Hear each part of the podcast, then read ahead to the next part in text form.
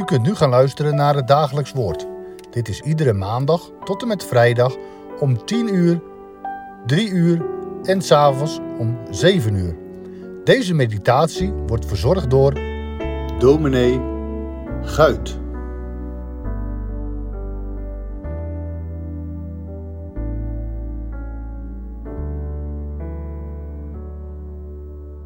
Ik lees met u enkele versen uit de Bijbel en wel Matthäus 5, vers 13 tot en met 16.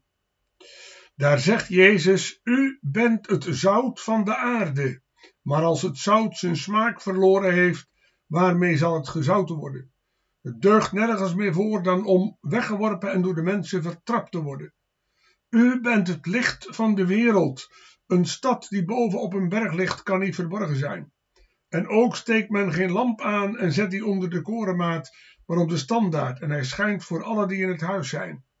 Laat uw licht alzo schijnen voor de mensen, opdat zij uw goede werken zien en uw Vader die in de hemelen is verheerlijken. Tot zover. De woorden die we vandaag overdenken komen uit de zogenaamde bergrede. Dat is een reden die Jezus vanaf een hoge berg tot het volk van de Joden gehouden heeft en waarin ook de zogenaamde zaligsprekingen voorkomen. Zalig zijn de armen van geest, zalig zijn de zachtmoedigen, zalig zijn die treuren, enzovoort, enzovoort. Zo horen we de heiland in vers 13 van Matthäus 5 zeggen: U bent het zout van de aarde. Maar als het zout zijn smaak verloren heeft, waarmee zou het dan gezouten worden? Het deugt nergens meer toe dan om weggeworpen en door de mensen vertrapt te worden. Ongetwijfeld herinnert de zaligmaker hier aan de bijzondere roeping van het volk Israël om de wijsheid van God in deze dwaze wereld te brengen. Dat komt ook duidelijk uit in het woord smakeloos worden. Dat eigenlijk betekent dwaas worden. Wanneer Israël niet aan haar roeping beantwoordt, heeft het haar bijzondere plaats in de wereld verloren. Van het beeld van het zout gaat de Heer Jezus nu over op het beeld van het licht. U bent het licht van de wereld. Een stad die bovenop een berg ligt kan niet verborgen zijn. Licht, wat kunnen wij ernaar verlangen? In de wintermaanden zien we uit naar de lentezon. Verlangen we ernaar dat de dagen gaan lengen. Wat kan iemand die de nacht wakend doorbrengt bij een ziek familielid niet uitzien naar de eerste stralen van de zon? Het licht van de zon wekt leven, verkwikt en beurt op, zorgt voor vreugde en vrolijkheid. Trouwens, in de Bijbel is het licht altijd een beeld van vreugde. Maar dan van vreugde die door het heil in de Heer Jezus wordt teweeggebracht. Terwijl de duisternis het beeld is van de zonde en de droefheid die de zonde veroorzaakt. Jezus zegt: U bent het licht van de wereld.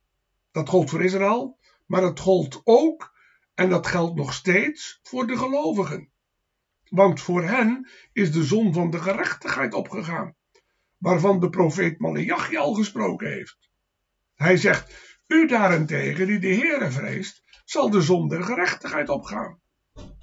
Zij wandelen ook in het licht en ze zijn het licht van de wereld. Paulus zegt later tegen de Efeziërs, want u was vroeger duisternis, maar nu bent u licht in de Heere, wandelt als kinderen van het licht. De heiland gaat nog verder en zegt: Een stad die boven op een berg ligt, kan niet verborgen zijn. De gelovigen worden dus vergeleken met een stad op een berg. Zo waren er verschillende steden in het oosten. We denken aan Jeruzalem dat omgeven was met bergen. De dichter van Psalm 125 zegt: Rondom Jeruzalem zijn bergen. Alzo is de Heere rondom zijn volk van nu aan tot in eeuwigheid. Maar de stad lag zelf ook op een berg en was van verre te zien. Zo'n stad trekt de aandacht van heel de omgeving. Uren ver verwijderd van de stad ziet men toch haar muren en poorten. Zo dient het ook te zijn met alle die leven uit het geloof. Zij dienen in het oog te vallen door hun woorden en daden.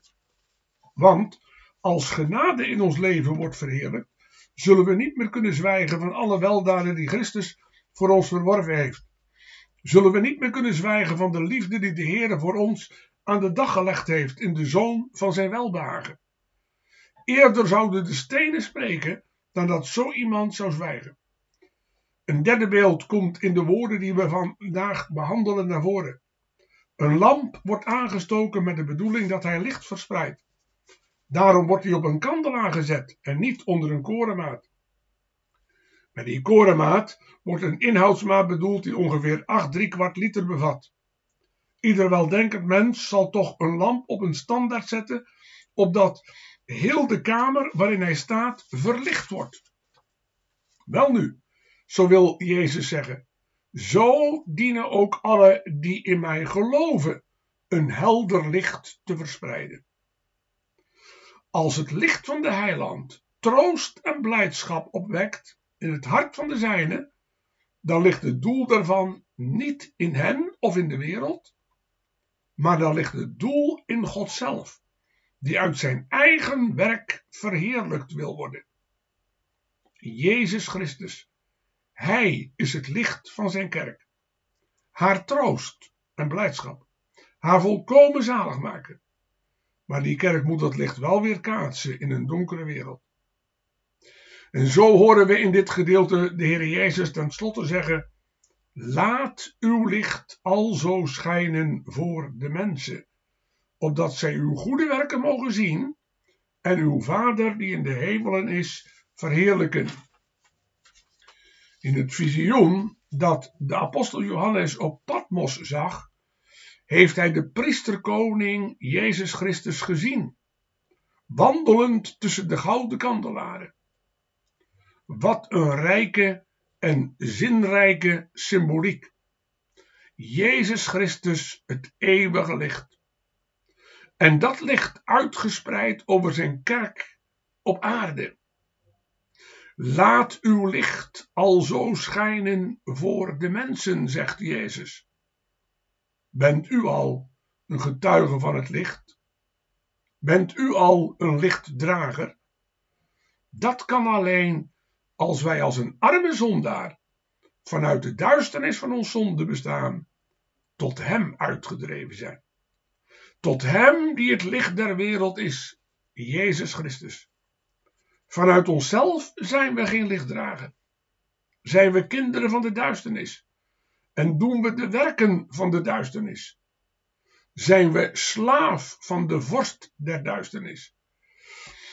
Maar als de Heilige Geest ons ontdekt aan onszelf en ons de toevlucht leert nemen tot Hem, dan gaan we delen in het licht.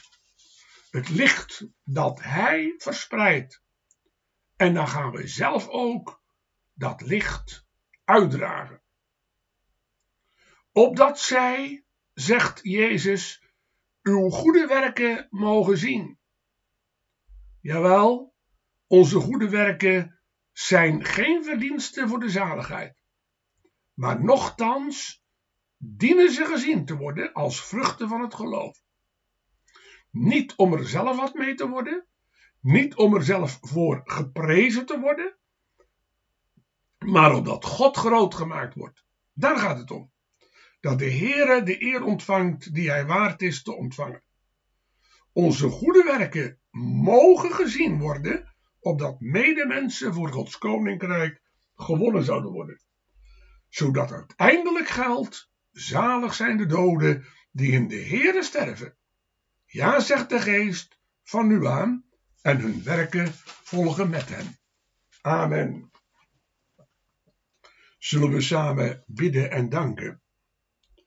Heere, trouwe en barmhartige God, het past ons uw grote naam ootmoedig dank te zeggen voor het feit dat wij een ogenblik mochten luisteren naar uw woord.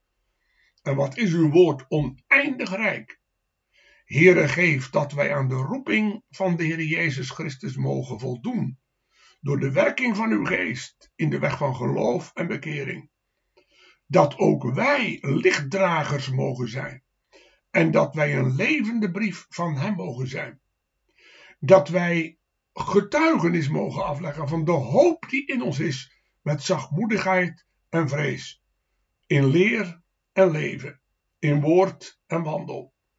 En wilt u ons daartoe steeds opnieuw bewerken door uw geest, de geest der genade en der gebeden, die in alle waarheid leidt.